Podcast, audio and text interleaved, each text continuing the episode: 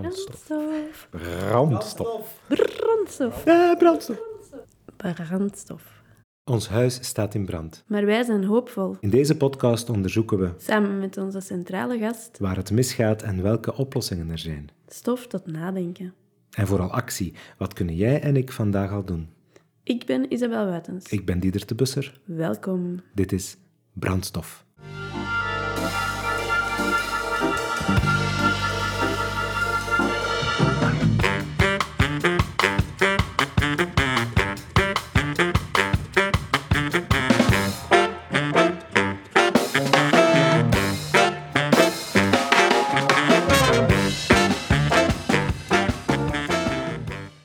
Dag Isabel. Dag Liedert.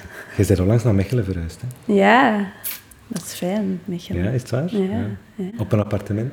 Ja. Dan heb jij misschien, als de zeespiegel met 5 meter stijgt, binnenkort een appartement aan zee. Ja, want ik woon aan de vaart. Oesje, ja, dan vrees ik dat het geen goede belegging was. hè. Maar ik huur, hè. Oké, dat is goed. De zeespiegelstijging is een van de meest tot de verbeelding sprekende gevolgen van de opwarming van de aarde. Grotendeels veroorzaakt door het afsmelten van het ijs op de Noord- en de Zuidpool. Hoewel, verbeelding. We hebben de voorbije maanden redelijk wat beelden gezien van dingen die al aan het gebeuren zijn. Hè. Kolossale ijsbergen van een gletsjer op Antarctica die afbreken. Ik weet niet of je ze gezien hebt. Nee. Nee, spectaculaire beelden toch? Of, of recent in de Zwitserse Alpen, waar dan de, de Toertman-gletsjer ook een stuk van zijn volume De kwijtgeraakt is. Toertman-gletsjer. De Toertman-gletsjer. Wat een naam. Ja. Dus, tijd om eens te spreken met iemand die daar alles over weet. Een glacioloog, Frank Patijn. Goeiedag. Goeiedag. Dag. We hebben elkaar al eens ontmoet. In dezelfde omstandigheden, min of meer. Ik had toen ook een micro vast. Dat is dan wel heel lang geleden. Ja, dat was in 1990, Frank. Dat is 30 jaar geleden. 30 jaar geleden, ja. Begot. En ik interviewde u toen omdat ik als tiener met een paar vrienden een natuurkrantje maakte. Ik heb hier een exemplaar voor mij. Mag het zo een, een mooie versie? Het, het- dat is het origineel. Zou, zouden we dat ook niet online mogen zetten? Of zou- ja. Ja, ik zal dat eens met de uitgever van toen bespreken. Ehm, maar we hebben aan mijn dochter gevraagd om daar eens een paar dingetjes uit voor te lezen. Zij is nu tien, dus Ja. ongeveer de leeftijd die ik toen had. Links ijs, rechts ijs. Vooraan ijs, achteraan ijs. En zo dood als een pier. Dat herinner ik mij. Voilà, zo beschreef Frank Patijn, een jonge wetenschapper uit Sint-Genesius-Rode, ons Antarctica. Na zijn studies aardrijkskunde aan de VUB reisde Frank vorig jaar als glacioloog met een Japanse ploeg mee naar Antarctica. Ze bestudeerden er gletsjerdiktes en ijssnelheden. Zij waren een van de enige ploegen die tot ongeveer 200 kilometer diep in het binnenland opereerden, waar ze het barre klimaat in tentjes trotseerden. My intentions. Ja. Dat is een contrast met hoe dat we, dat we u vandaag zouden kunnen introduceren, Frank. Eh, het is een contrast. Ja, ja. dat was toen de eerste keer. En een eerste keer is altijd zoiets speciaals. Eh, het was dan eigenlijk ook vier maanden. En vier maanden weg van huis is lang natuurlijk. Ik ben intussen elf keer naar Antarctica gegaan. Intussen elf keer naar Antarctica en ook hoofd van het departement glaciologie aan de, aan de ULB. Maar ik ben ten andere dan ook voorzitter van het Belgisch Nationaal Comité voor Antarctic, Antarctisch Onderzoek. En dat is eigenlijk wel gek, want die eerste expeditie die ik heb gedaan, dat was dan mijn, mijn voormalige baas en, promotor van mijn onderzoek, was toen de voorzitter van het eh, Belgisch Nationaal Wetenschappelijk Onderzoek op Antarctica. Ja, en dat houdt dan ook in dat ik eh, de Belgische afgevaardigde ben van de internationale, eh, de SCAR, Scientific Committee of Antarctic Research. Dat dus eigenlijk al het onderzoek op Antarctica coördineert in een, eh, ja, op een internationale basis. Oké. We gaan het er straks zeker nog over hebben, over die SCAR en over dat onderzoek. Wij onderwerpen elkaar altijd eerst eens aan een quiz. Ah. Frank, geen paniek. De quiz is eh, voor Isabel bedoeld. Ah, En ik ga een paar vragen stellen die we dan in de loop van het interview hopelijk dankzij jouw antwoorden beantwoord gaan zien. Oké? ik ben benieuwd. Ik ga eerst nog een stukje laten lezen door mijn dochter Ah ja. uit de Natuurkrant. Aan de Zuidpool, te midden van een massadrijvend ijs, rijst een heus continent op. Antarctica strekt zich uit over 14 miljoen vierkante kilometer. Dat is ongeveer 459 keer de oppervlakte van België, of nog eens 3,5 miljoen vierkante kilometer groter dan Europa. En vertegenwoordigt hiermee ongeveer 10% van het totale landoppervlak op aarde. Het klimaat op Antarctica is koud en winderig. Op het Sovjetstation Vostok daalde de thermometer in 1983 tot een recordwaarde van min 89,2 graden. Eén enkele ademhaling bezorgt je bij zo'n temperatuur een longontsteking, een traan bevriest onmiddellijk en kost je je hoornvlies. Wat het toen... toen Bangelijk. Toch, wat het toen Bangelijk. toch, al, toch al een beetje zin voor sensatie. Ja, maar ah, ik vind dat nog altijd geweldig dat, dat je zoiets kon schrijven als je tien jaar werd. Nee, dat is, dat is wat eigenlijk al, hè. Ja, ja, ja. Ja. Waarvoor dank. Ja, En nu de quiz. ja oei. Oké. Eerste vraag, Isabel. Mhm. De ijskap op Antarctica bevat 90% van de zoetwatervoorraad op aarde. Dat ga ik jou niet vragen, want dat had je zeker gelezen in de voorbereiding. Tuurlijk. Voilà. Op sommige plaatsen is die ijskap daar 3 tot 4 kilometer dik. Stel nu, hypothetisch, dat al dat ijs zou smelten. Hoeveel meter zou de gemiddelde zeespiegel dan stijgen? Ah, ik denk dat ik dat zelfs weet. Dan mocht je Ik ook. dacht iets in de 50 meter. Mhm. We gaan dat straks bekijken. dat is een gemiddelde zeespiegelstijging. Ehm, en dat is een verre toekomst. Laten we ervan uitgaan dat dat in de komende 100 jaar nog niet zal gebeuren. Hopelijk. Hopelijk, Dat hè. gaan we, dat gaan we straks horen. Maar, maar de zeespiegelstijging is wel al bezig. En ehm, ik ben eens gaan grasduinen in de cijfers van Oostende. Heb je een idee hoeveel de zeespiegel daar al gestegen is sinds de eerste meting in 1951? Oeh, mij. Ik heb iets gelezen dat iets van een 2 mm of zoiets was per jaar. Allee, pak dat dat dan 50 jaar is, dan heb je 100 mm, dat is 1 meter. Kan dat? Nee. 100, nee. 100 centimeter is 1 meter, dus 10 centimeter. Ja. Hmm, Oké, we, we gaan straks het juiste antwoord bekijken. Dat lijkt niet zoveel, maar het kan misschien toch wel effect hebben. Derde vraag. In het stukje dat mijn dochter zo net voorlas over Antarctica, daar hoorde je dat de koudste temperatuur ooit gemeten op aarde en op Antarctica 89,2 graden Celsius onder nul was. Nee. Maar dat was 1983. Wat was, dezelfde, wat was de temperatuur in datzelfde gebied op 10 augustus 2010? Ik ga u drie mogelijkheden geven. Was dat 93 graden onder nul, dus nog kouder? Was het 53 onder nul? Of was het 23 boven nul? Ik zou ook op het laatste. 23 graden Celsius boven nul? Ja. Komen het te weten. Ik denk dat dat niet juist is, want ja. Na het reclameblok. Dit is vo- vo- volledig van de pot gerukt. Vierde vraag. Oké. Stel dat het nu 10 uur in de voormiddag is hier in België. Hoe laat is het nu op Antarctica? Ja. Oh, zeg, dat is zo van die uren dingen, daar ben ik niet goed in, zo. Ik zeg ongeveer hetzelfde. Ja. En de laatste vraag. Ehm, de eerste excursie naar het Zuidpoolgebied die stond al onder leiding van een Belg en eh, heeft zelfs linken met het instituut waar we nu zitten, ULB. was een onderzoeker van hier ook, Adrien de Gerlache. We spreken 1897. Die heeft over die excursie een boek geschreven, want die excursie is niet helemaal gelopen zoals ze hadden. Ja, het is een expeditie, hè. Expeditie. Adrien de Gerlache was, was, was geen wetenschapper. Hè. Maar hij zat op een boot, op de expeditie. Eh, hij was zat mee. op een boot. ja. Dus toch een beetje een voorganger. ja, ja, maar eh, bijvoorbeeld in de latere expedities van zijn zoon de Gerlache, dan had je de, onder andere eh Picciotto, eh, die als wetenschapper mee was, voornamelijk om ijstalen te, te halen en te analyseren. En hij was dus een van mijn voorgangers hier. Hij heeft het, eigenlijk het laboratorium voor glaciologie opgericht. Opgericht, ah, ja, voilà, fijn. En dat Ja, is in de jaren 50, 60, ja. Oké.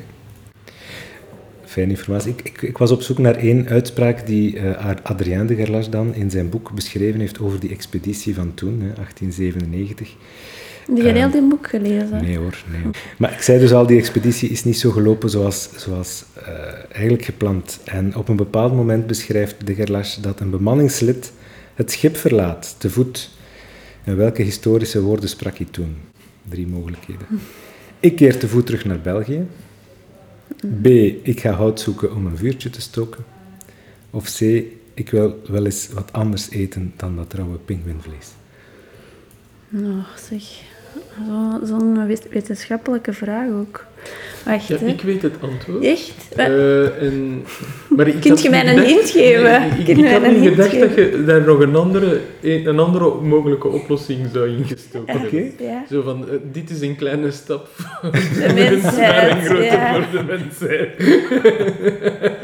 Uh, dat dat mooi geweest. mooi geweest, ja. Oké, okay, antwoord D is... ik, ik denk um, dat hij wel eens iets anders wilt eten dan pinguïnvlees.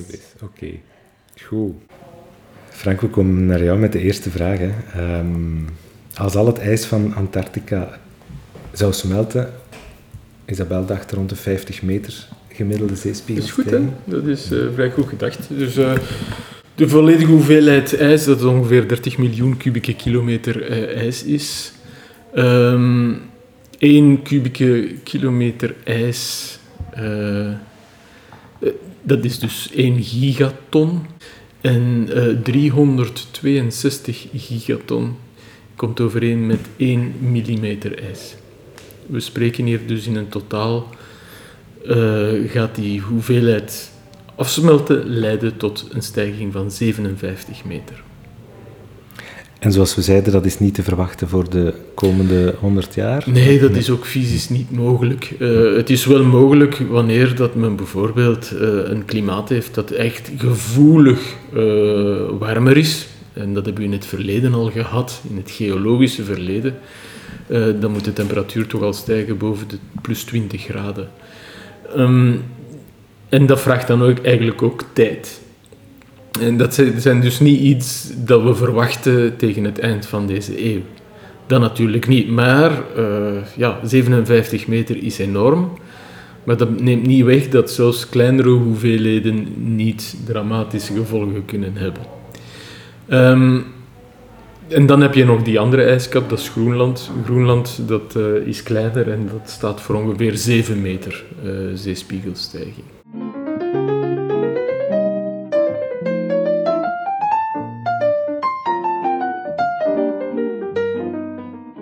Een ijskap, wat, is dat juist? Een ijskap is... Uh, er zijn verschillende soorten ijs op aarde. Hè?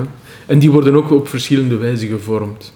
Bijvoorbeeld een gletsjer, die wordt gevormd uh, in, in, in gebergtes, waar dat de temperatuur voldoende laag is, zodat de neerslag die valt uh, in vaste vorm is. Dus in de vorm van sneeuw.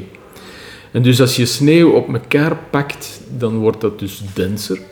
Dan verkrijgt dat dus een hogere dichtheid en gaat dat zich transformeren tot ijs. Dus eigenlijk ijs, gletsjerijs, is een, een, een conglomeraat van... Een samenpakking. samenpakking van allemaal kleine sneeuwkristallen die gecompacteerd zijn.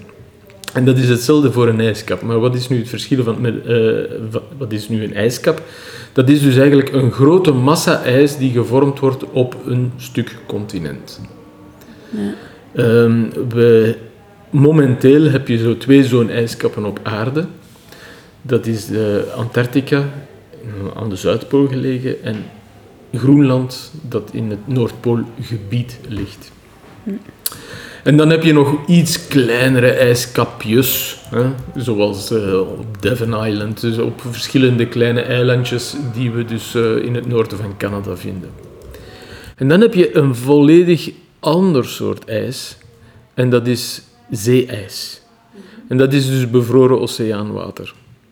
Dat is dus eigenlijk de oceaan, en voornamelijk de Arctische oceaan, waar de temperatuur voldoende laag is, dat eigenlijk het zeewater ook bevriest. Nu, zeewater is zout en dat bevriest dus aan een temperatuur die iets lager is dan de temperatuur van, uh, van de, de, uh, dan zoetwater, dus bij min 2 graden. En dus dat zeeijs, uh, ja, dat drijft op de oceaan.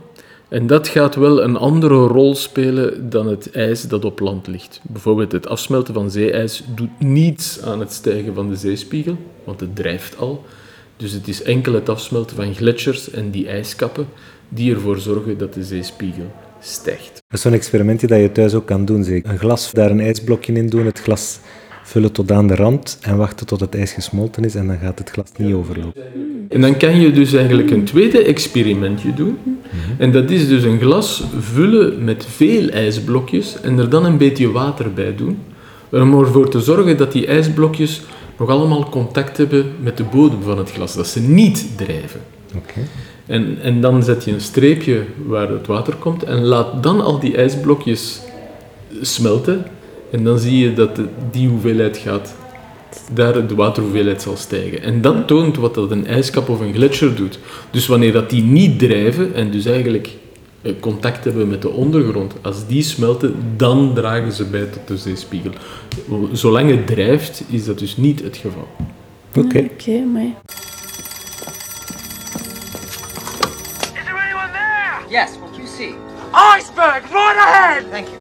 Je hebt dat al een paar keer aangehaald, hè? de stijging van de zeespiegel. Vraag 2 van onze quiz was, hoeveel is die stijging vandaag al, bijvoorbeeld in Oostende? Oostende specifiek weet ik niet, want we maken een onderscheid tussen de globale zeespiegelstijging en dan regionale verschillen. En die, die kunnen nogal groot zijn.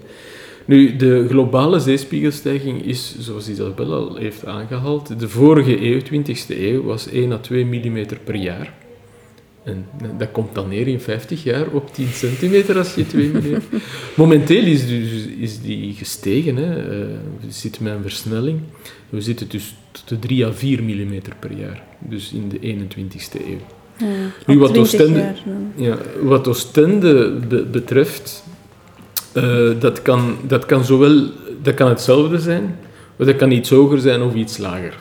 En van waar komen die Eh, verschillen? die verschillen die komen omwille dat... ja, dat is een vrij complex fenomeen, maar dat heeft te maken met de geoïde. De geoïde is de vorm die het wateroppervlak eh, aanneemt omwille van de zwaartekracht van de aarde en de zwaartekracht van andere lichamen rondom ons. En eigenlijk, eh, die, die zwaartekracht die is niet overal constant op aarde.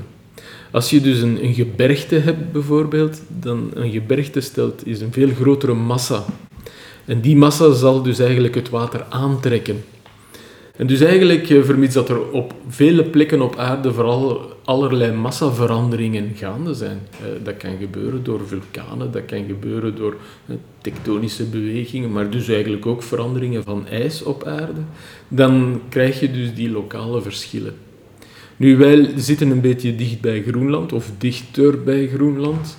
En afsmelten van Groenland zorgt ervoor dat rondom Groenland en in de Noord-Atlantische sector de zeespiegel lichtjes daalt.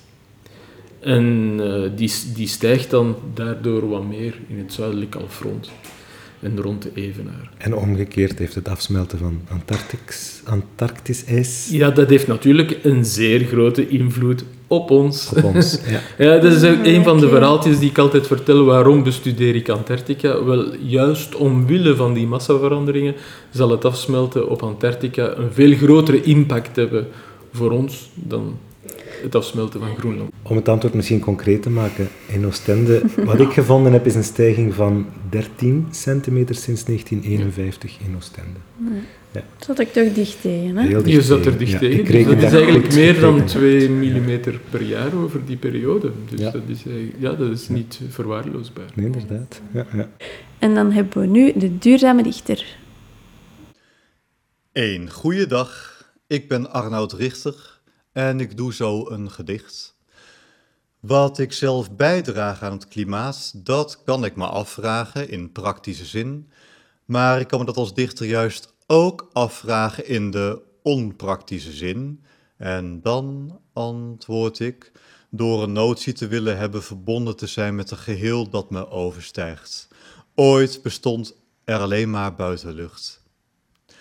En ik probeer niet zo verdwaasd te zijn als de moderne ik-persoon in het volgende titelloze gedicht. Ik sta met de bovenzijde van mijn ruggengraat afgetopt met een toefje bewustzijn bevattende gelei, die is van mij.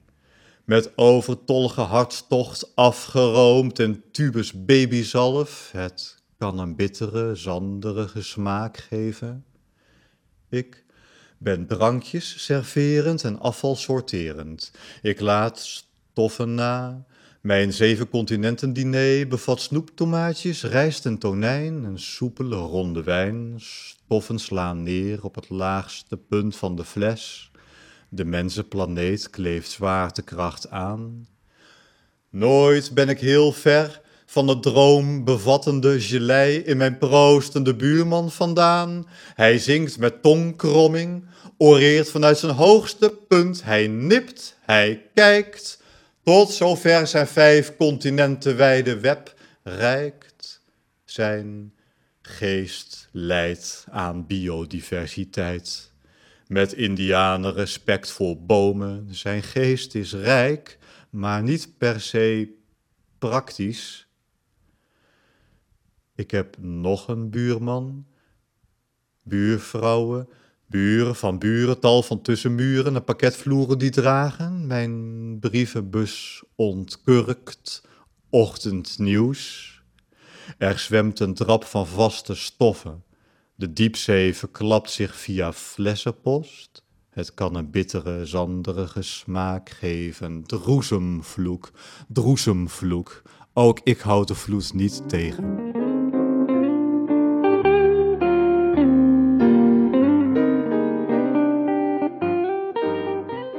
Maar het is eigenlijk niet alleen maar die globale stijging van de zeespiegel die uh, een rol zal spelen. Hè.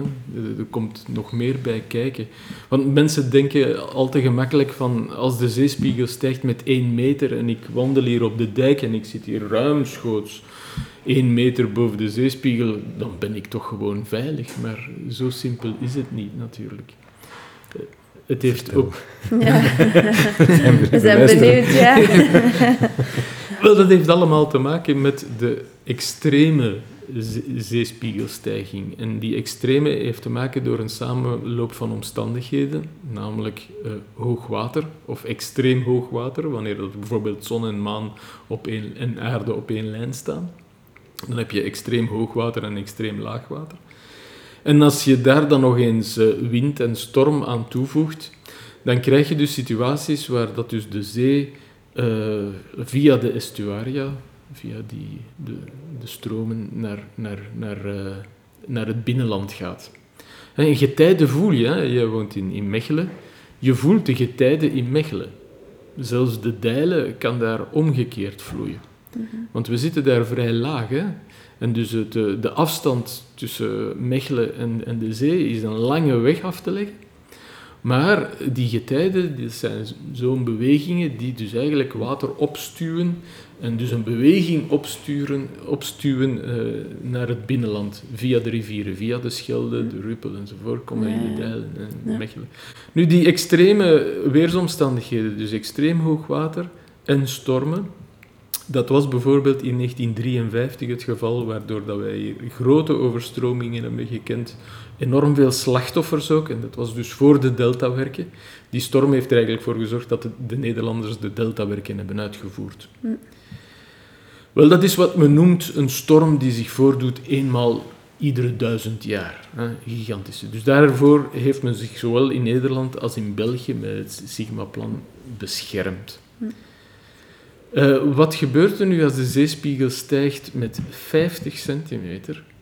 De impact die we hebben gehad van zo'n duizendjarige storm, die gaat dan uh, dezelfde impact zijn voor een honderdjarige storm. Komt vaker voor en de impact is ja, groter. Dat betekent dat je niet moet wachten op zo'n gigantische storm, maar je gaat dus al het effect voelen bij kleinere stormen. En bij een 1 meter zeespiegelstijging is dat om de 10 jaar. Dat betekent dus dat de versterkingen die we nu hebben om ons te beschermen tegen de zee, en dat is niet alleen tegen zeespiegelstijging, het is gewoon bescherming tegen de zee, die natuurlijke kenmerken van uh, getijden en extreme zeespiegel, dat die dus eigenlijk uh, ja, exponentieel En nu kennen we, dankzij COVID, weten we wat exponentieel betekent. Hè? Dat het dus exponentieel uh, die, die impact toeneemt, zelfs bij kleine stijgingen van een zeespiegel.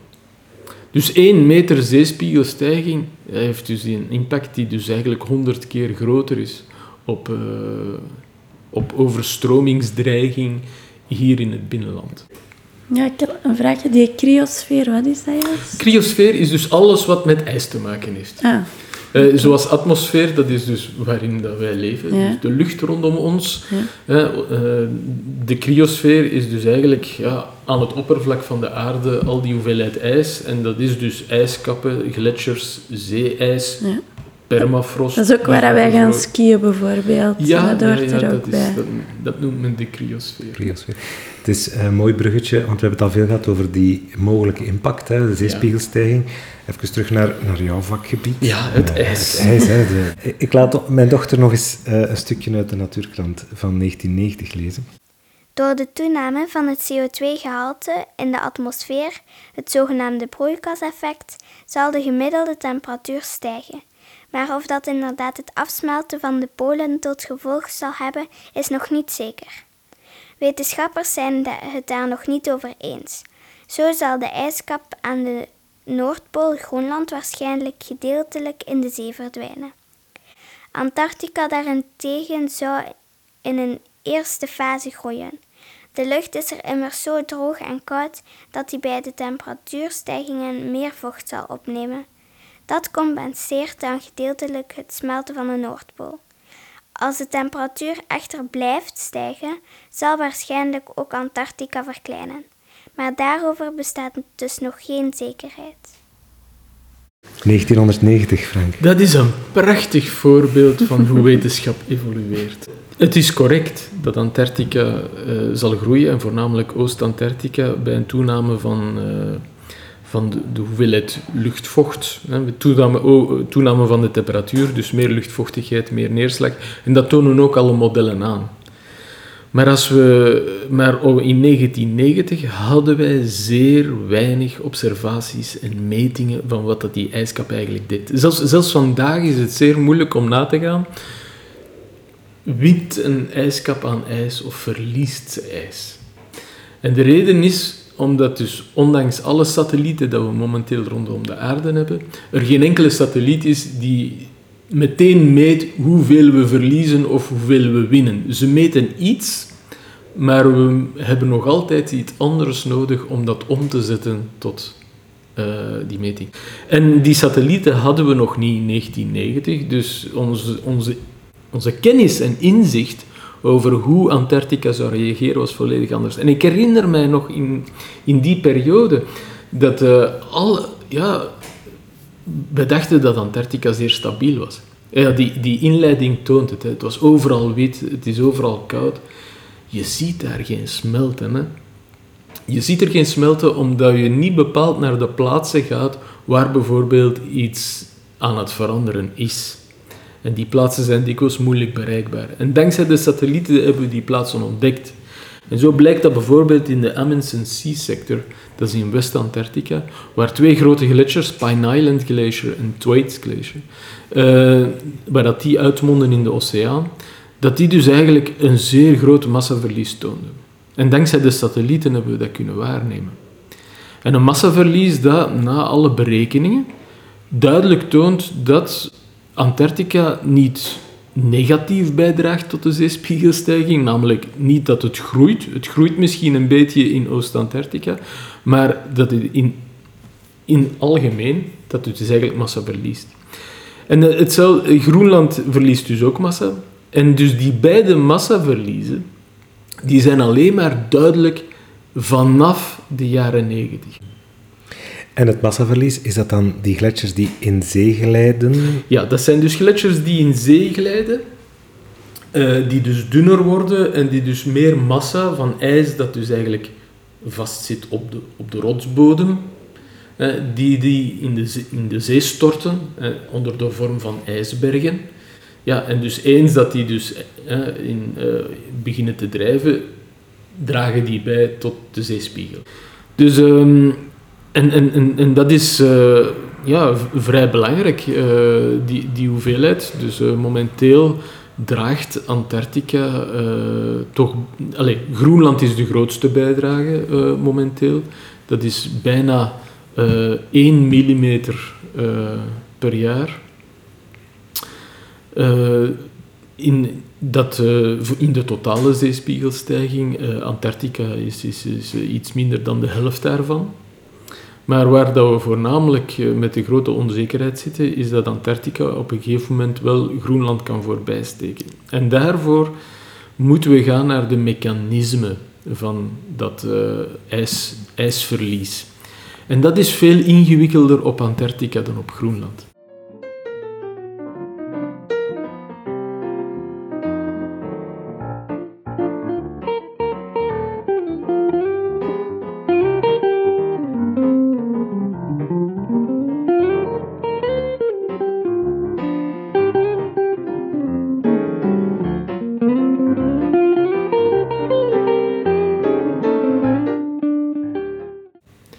Want op Groenland heb je dus een klimaat. Groenland ligt niet op de Noordpool. Hè. Die Noordpool is bedekt met zeeijs. Ik denk Groenland, het woord alleen is, is Ah, heel ja. verwarrend. Het is natuurlijk zeer verwarrend. Groenland, dit, dit is dus eigenlijk... Je hebt eh, IJsland. Bezocht, bezo- ja, je hebt IJsland en dan, Dan heb je Groenland. Groenland. Terwijl dat dus eigenlijk IJsland groener is dan Groenland. Ja. En, en, en Groenland iets IJslander is. Maar eh, nee, dat is gewoon dat, omdat op de zuidelijke kust van Groenland... Ja, daar, daar had je wat groen. En als de vikings, eh Erik de Red, eh, Erik de Rode, die dan vanuit IJsland zijn vertrokken om eh, naar Groenland te gaan, ja, die hebben dat dan beginnen te koloniseren. Alleen een nederzettingen gebouwd. En dat was dan eigenlijk ook in, op een periode dat het klimaat iets aangenamer was. Maar je had dus wel die volledige ijskap daar. Hè. Het was gewoon dat, dat zuidelijk, zuidelijke puntje waar dat er wat groen te vinden was. Wellicht komt daarvan de naam Groenland. Eh, Groenland is maar vanaf de jaren 90 ijs beginnen verliezen. Eh, en dat is voornamelijk door smelten. Dus omdat dus in het centrum van die ijskap, daar win je ijs, omdat zo'n ijskap heeft ook een, grote dikte. En in het centrum zit je dus ook hoog. Hoe hoger je gaat, hoe kouder eh, het is. En dus krijg je neerslag onder de vorm van sneeuw. Maar dan aan die kusten, dan heb je daar afsmelten. Dus centraal op Dus zo'n momenteel- ijskap groeit ze eigenlijk door de neerslag, door Ja, de sneeuw. en dat wordt dan eigenlijk in, voor een ijskap die in evenwicht is, laten we zeggen hè, voor de jaren 90, heb je dus een evenwicht tussen hetgeen dat erop valt en hetgeen dat er afsmelt. En momenteel is dus de hoeveelheid die afsmelt veel groter dan de hoeveelheid die erbij komt. Dus Groenland verliest massa daardoor. En ik En herinner dat mij, is op Antarctica niet mogelijk. omdat Eh, op Antarctica geen neerslag is? Nee, omdat het veel te koud is. Dus op Antarctica heb je zeer weinig smelten. Want eh, ja, zoals je hebt gelezen, ik kwam daartoe op Antarctica aan de kust. De kust, hè. Dus, eh, en het was daar wit overal. Hè. En het was er koud. Het was wit en koud. Hè. je hebt een gemiddelde temperatuur van min 15 graden. En zelfs met een stijging van de temperatuur zal dat niet boven het vriespunt komen. Dat is dus een verschil met Groenland. Nee. En toch hebben we ijsverlies. Het moet dus van ergens anders komen.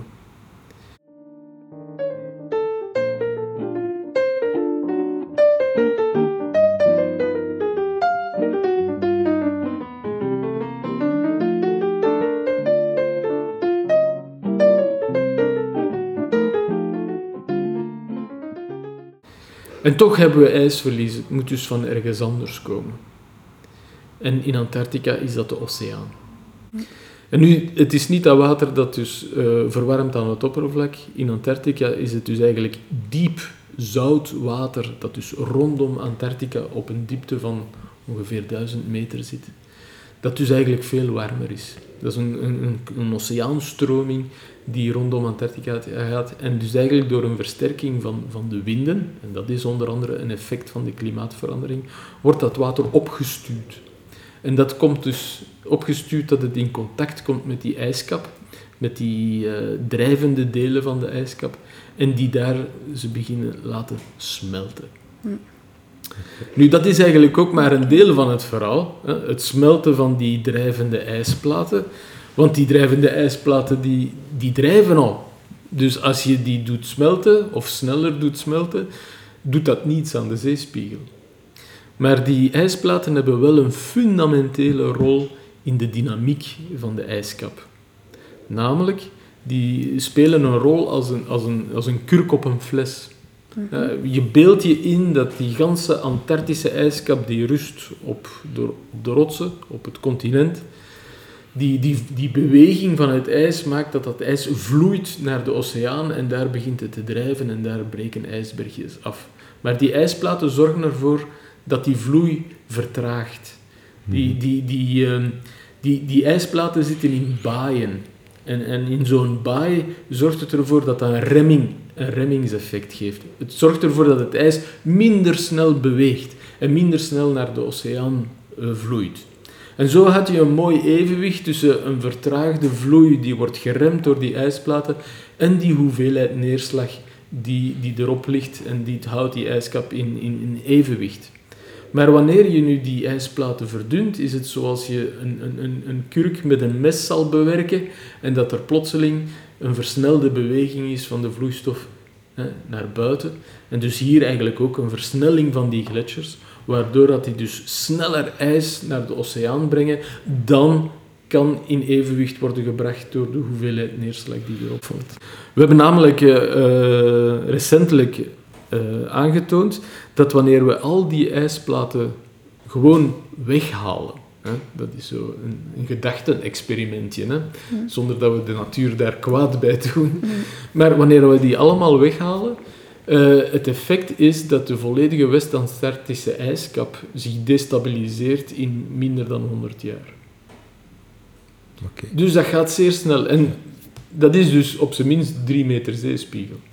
Uh, als we dat doen voor heel Antarctica, dan zorgt dat in, in minder dan 500 jaar voor 10 meter zeespiegelstijging.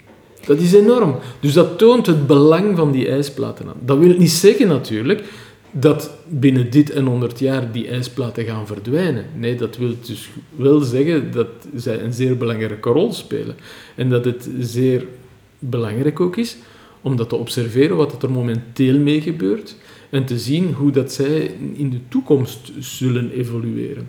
En het is daar dat dus eigenlijk de grootste onzekerheid op toekomstige zeespiegelstijging zit. Alles hangt ervan af wanneer een bepaalde ijsplaat zich nu zou destabiliseren.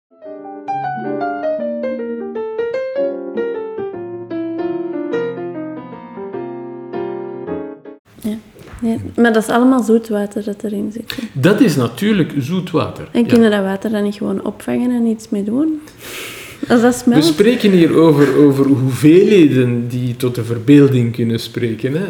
Uh, dus uh, 1 mm zeespiegelstijging is dus 362 gigaton of kubieke kilometer ijs of min of meer water. Ja, want je zit met een droogteprobleem langs de ene kant. Ja, ja, ja. ja. Er, er zijn... Stel dat je een leiding zou kunnen leggen. Kijk, het, een leiding leggen, ja, maar dat zijn allemaal van die moeilijke, moeilijke dingen die technisch zeer... zeer uh, zeer, zeer moeilijk zijn. Hè. Er zijn al ideeën geweest om ijsbergen te transporteren naar andere delen van de wereld. De meest recentelijke was een ijsberg transporteren naar Zuid-Afrika, omdat in Cape Town bijvoorbeeld er een enorme droogte was een paar jaar geleden. En, en dat plan, ja, het grote probleem met een ijsberg is, we zie, je ziet wel een ijsberg en je kan zelfs een kleine ijsberg nemen, maar, en je zet er dan een bootje naast dat dan die ijsberg moet duwen. Uh, aan de andere kant heb je dus 9 tiende van die ijsberg zit onder het water. Uh, dat zorgt natuurlijk voor een hoeveelheid drijving. En als je geen rekening houdt met die normale zeestromingen, dan uh, gebeurt er niets. krijg je dat dus eigenlijk niet vooruit. En het moet vrij snel gebeuren, want uh, er zijn maar weinig ijsbergen die tot in Zuid-Afrika geraken natuurlijk. Hè. Ja. En de reden is vrij simpel. Ze zijn al gesmolten voor ze er zijn. maar er wordt wel over nagedacht om iets met dat water nog te doen, eventueel. Nee, nee, je, niets om nee. met het water te doen. Er zijn zelfs mensen die nadenken over, zouden we kunnen dat, uh, die, dat ijsverlies afremmen? Bijvoorbeeld. Uh, mm. Er zijn verschillende ideeën uh, naar boven gekomen. En de ene is al iets, iets, uh, heeft al meer fantasie dan de andere. Onder andere bijvoorbeeld uh, zeewater opspuiten op die ijskap en ze daar laten vriezen, zodanig dat dan de zeespiegel niet stijgt. Hè. Maar je hebt daar dan natuurlijk ook weer energie voor nodig. En de bedoeling is dan eigenlijk wel dat als we iets doen om die zeespiegelstijging eh, tegen te gaan, dat we daardoor niet meer energie of meer fossiele Nee. brandstoffen zouden voor verbruiken. Maar goed, er is wel zon op, op Antarctica, vermoed ik. Ja, maar je moet het wel doen in de winter. Hè? Eh, en, en eigenlijk van alle eh, duurzame energieën eh, die je kan gebruiken op Antarctica is wind de meest efficiënte. Oké. Omdat er zoveel wind is. hè. Eh, omdat er vrij veel wind is, met het enige nadeel dat natuurlijk de wind vrij on, on- ja, onregelmatig is en, en in sommige gevallen zelfs heel sterk. En voornamelijk in de winter, eh, dat zelfs gevaarlijk is. Er staan er al windmolens. Ja, er staan windmolens. De, de, de nieuwe Belgische basis op Antarctica, eh, die draait volkomen op duurzame energie. Hè. Dus daar komt geen, eh, er komen geen fossiele brandstoffen aan te pas om het station te doen draaien, alleszins. Dat is niet het geval voor de, voor de, De scooters. de scooters enzovoort. Maar nog niet het geval, laat ons zo zeggen. Maar eh, het, het, het draait er wel op, en op, op zonne-energie en op windenergie. Maar dus eigenlijk, dat is 80% windenergie. Hè. Dat is de meest efficiënte. Eh, want zelfs als, als er geen zon is of de zon zit te laag, dan heb je toch nog altijd wind. Eh, en als je dan een windstille dag hebt, dan is het meestal zonnig.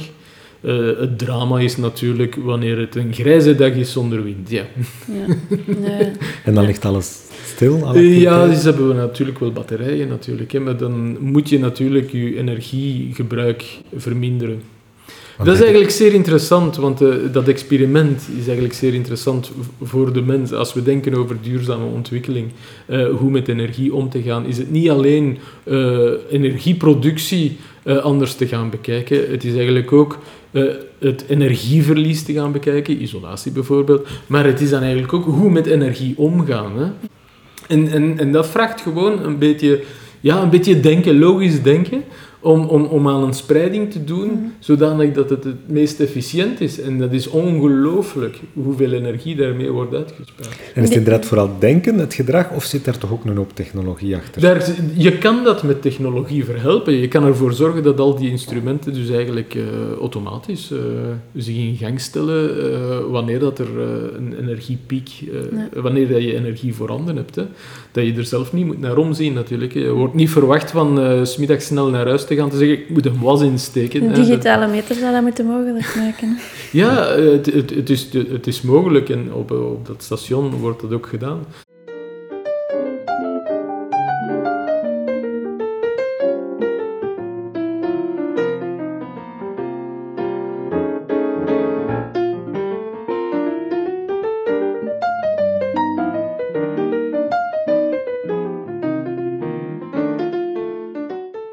Hadden nog een vraag openstaan. Ehm, die recordtemperatuur van 89,2 graden Celsius in 83 op, in, in, op 10 augustus 2010 is de, het, het koude record eigenlijk. Op de Ja, aarde. maar dat, hebben ze ook, dat is een andere meting geweest. Het is een meting gedaan via satellieten en dus geen meting op de grond met een thermometer. Oké, dus is niet echt bevestigd eigenlijk. Eh, ja, je, je moet dat dus altijd vertalen. Hè.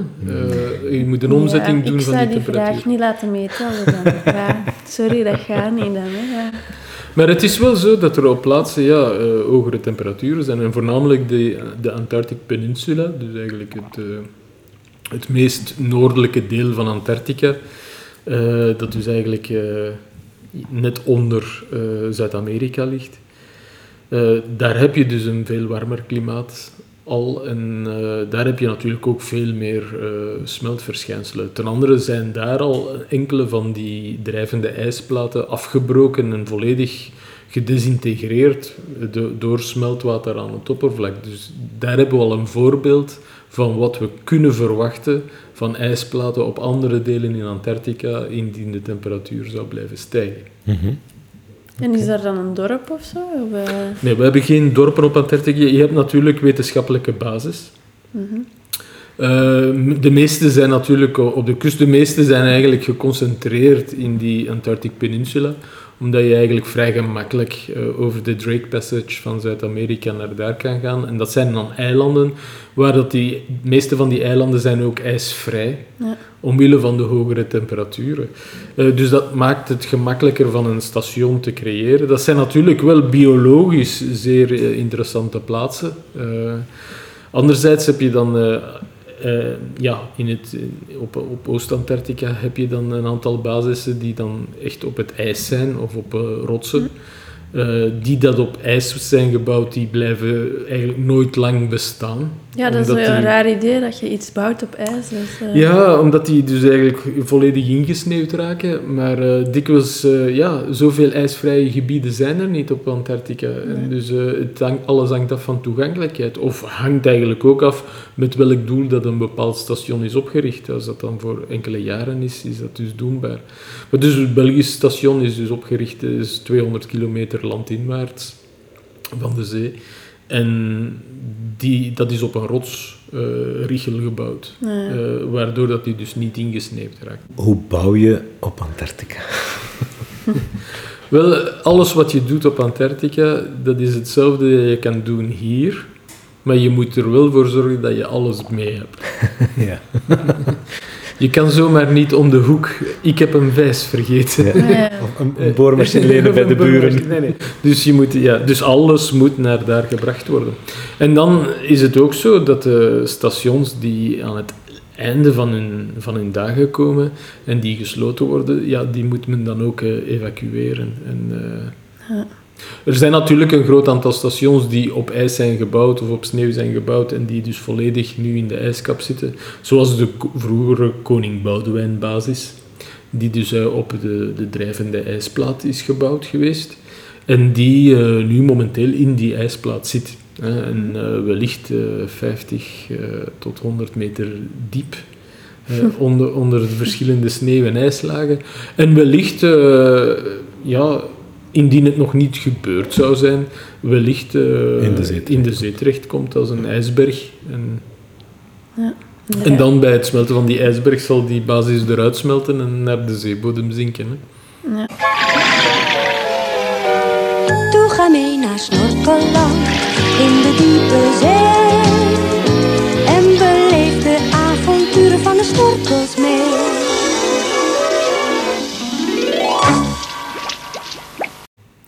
We hadden nog een vraagje over Antarctica. Hoe laat is het daar nu?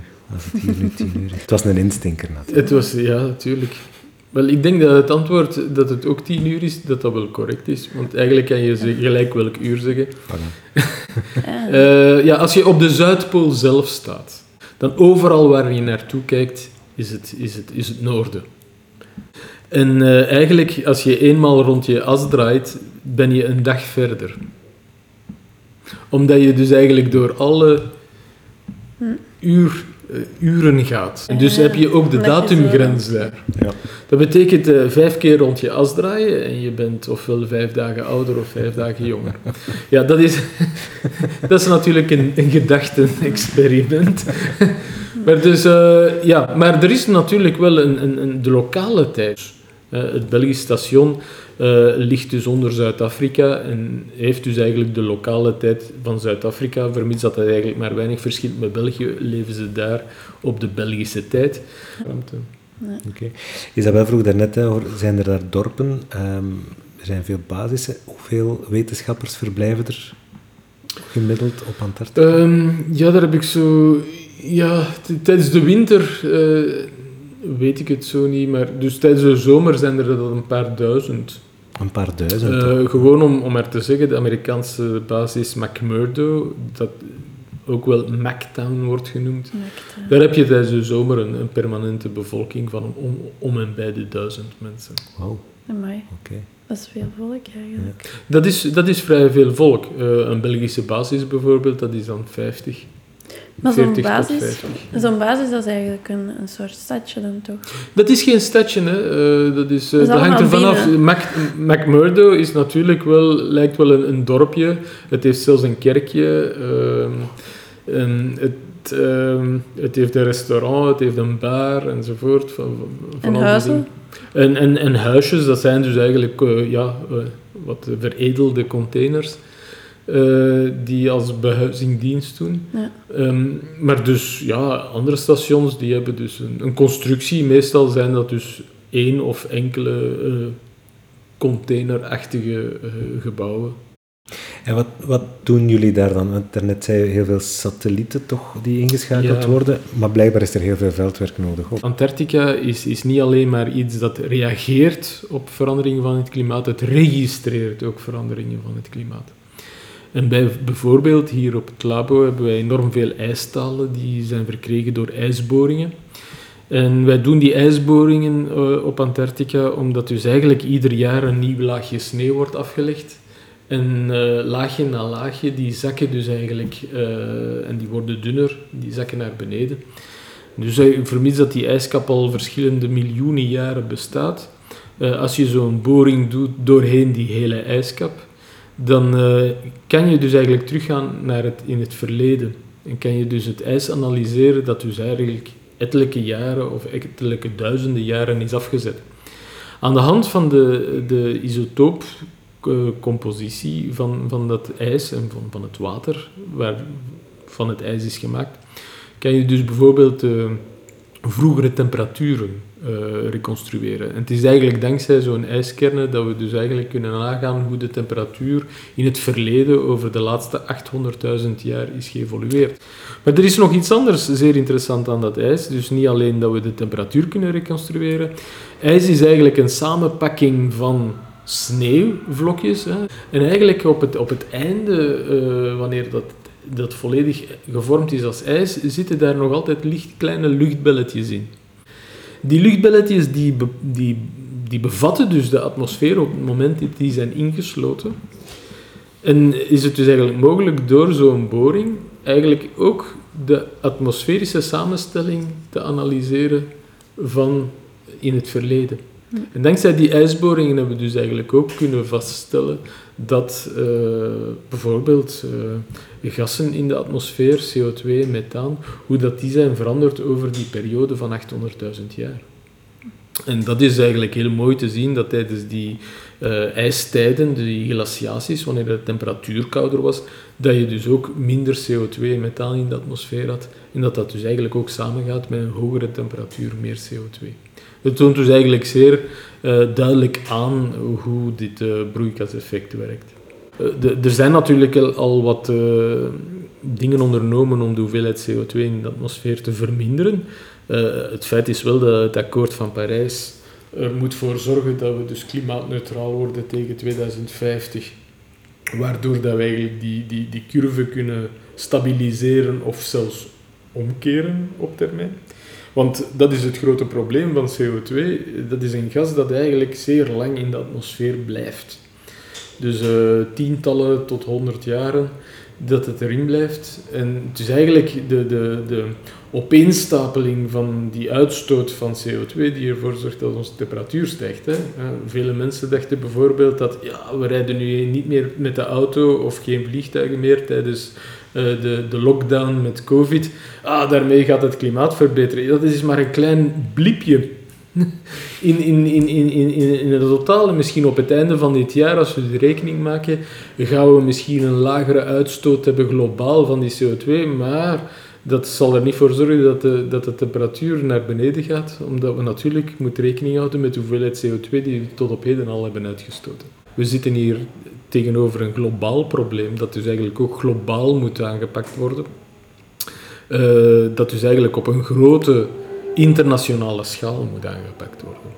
En dat is eigenlijk veel belangrijker dan, eh, ja, dan die kleinere ingrijpen dat we doen. Maar dat natuurlijk, die, die kleine ingrepen, die zorgen ervoor voor een mentaliteitsverandering, dat mensen natuurlijk een beetje meer aandacht besteden daaraan. En, en, en zich dan ook ja, eh, anders gaan gedragen. En, en dat helpt natuurlijk wel. Dus wereldwijd aanpakken, Parijsakkoord is dus zeer belangrijk. Je regarde euh, la salle, je vois que la réaction est positive, je n'entends pas d'objection. L'accord de Paris pour le climat est accepté. Het Parijsakkoord is zeer belangrijk. En voldoende Eh, volgens jou? Eh, eh, op zichzelf is het, is het Parijsakkoord voldoende? Alles komt er natuurlijk op neer of, of alle landen zich aan die intenties gaan houden. Als we de som maken van alle, alles, wat alle inspanningen die zijn geleverd door de verschillende landen, dan, dan, zit je nog, dan gaan we naar een stijging van de temperatuur met meer dan 2 graden en zelfs met iets meer dan 3 graden. Maar nee, nu geen 4 graden of geen 5 graden. Dus we hebben daar al iets aan veranderd. Maar als we nu kijken naar de impacten, en dat uh, toont misschien dat we wat moeten voorzichtig zijn met de interpretatie van, van bijvoorbeeld een klimaatrapport. Zo'n klimaatrapport is, is, uh, is dikwijls uh, ja, is gemaakt op basis van consensus. En dat is niet het meest alarmerende rapport dat je je kan voorstellen. Het is eigenlijk het meest... Uh, uh, softe. Geruststellende. Geruststellende rapport. Ik zou niet zeggen softe, maar het is met de hoogste waarschijnlijkheid. Uh, en als we kijken naar de impact, dus de stijging van de temperatuur die we momenteel waarnemen, die is helemaal in lijn met een scenario van business as usual. Dat betekent dus dat de inspanningen die we momenteel hebben geleverd, dat die daar wel weinig merkbaar zijn. En hetzelfde dan als we kijken naar ijsverlies en zeespiegelstijging, die zitten eigenlijk ook volledig op dat traject. Dus dat betekent dat er wel degelijk uh, grote inspanningen moeten geleverd worden om die curves eventueel af te vlakken of om te draaien. Dus daar is nog vrij veel werk aan. Het is niet omdat we al in de goede richting bezig zijn, dat we hier dus eigenlijk al een klimaatverandering aan het stoppen zijn. Ja. Okay. Ja. Nog even terug naar Antarctica. Omdat ik vroeg net, heeft jouw bezoek aan Antarctica je eigen levensstijl veranderd? Soms zeggen ze dat wel, hè, dat mensen wat meer terug in contact met de natuur moeten komen om, om er zorg voor te dragen. Mm. En dan las ik, ik was een beetje verrast, maar ik las een artikel met als titel Vergeet de Alpen, Antarctica is het nieuwe skigebied.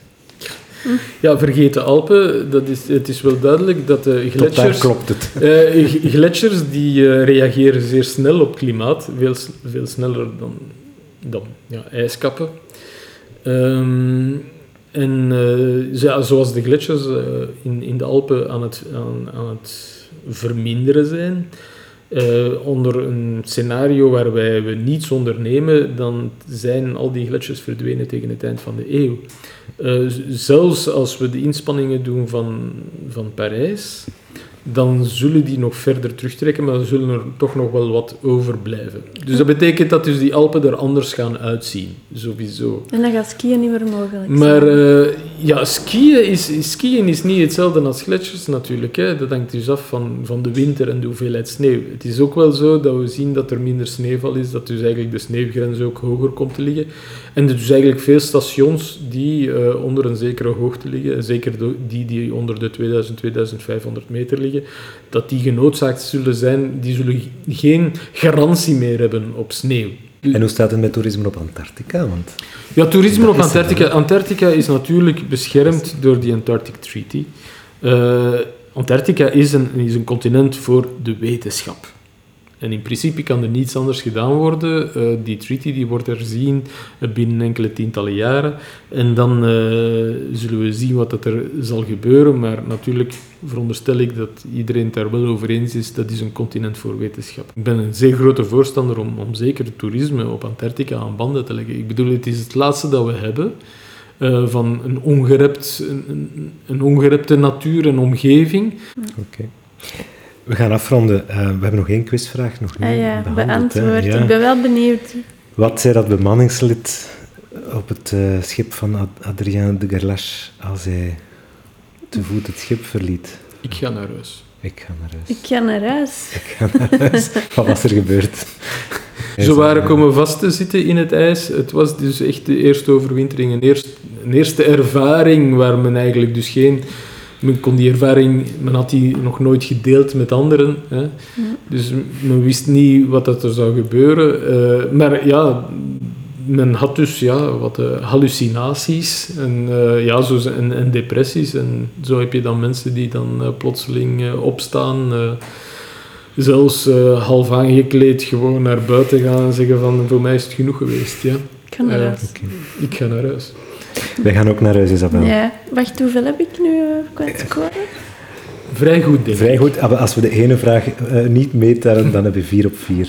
Echt? Ja. Oh, dat Ah, is nee, want ik heb Ah nee, de laatste niet. 3 op 4. Voilà, Drie op 3 op vier. 4. Ja, Bij- Bij die laatste had ik toch nog gewild. eh, Dit is een kleine stap voor de mensen. Kleine stap.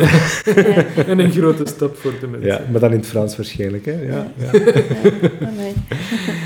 Oké, Frank, dankjewel. Het was heel interessant. Eh, graag gedaan. Ja, we hebben veel bijgeleerd.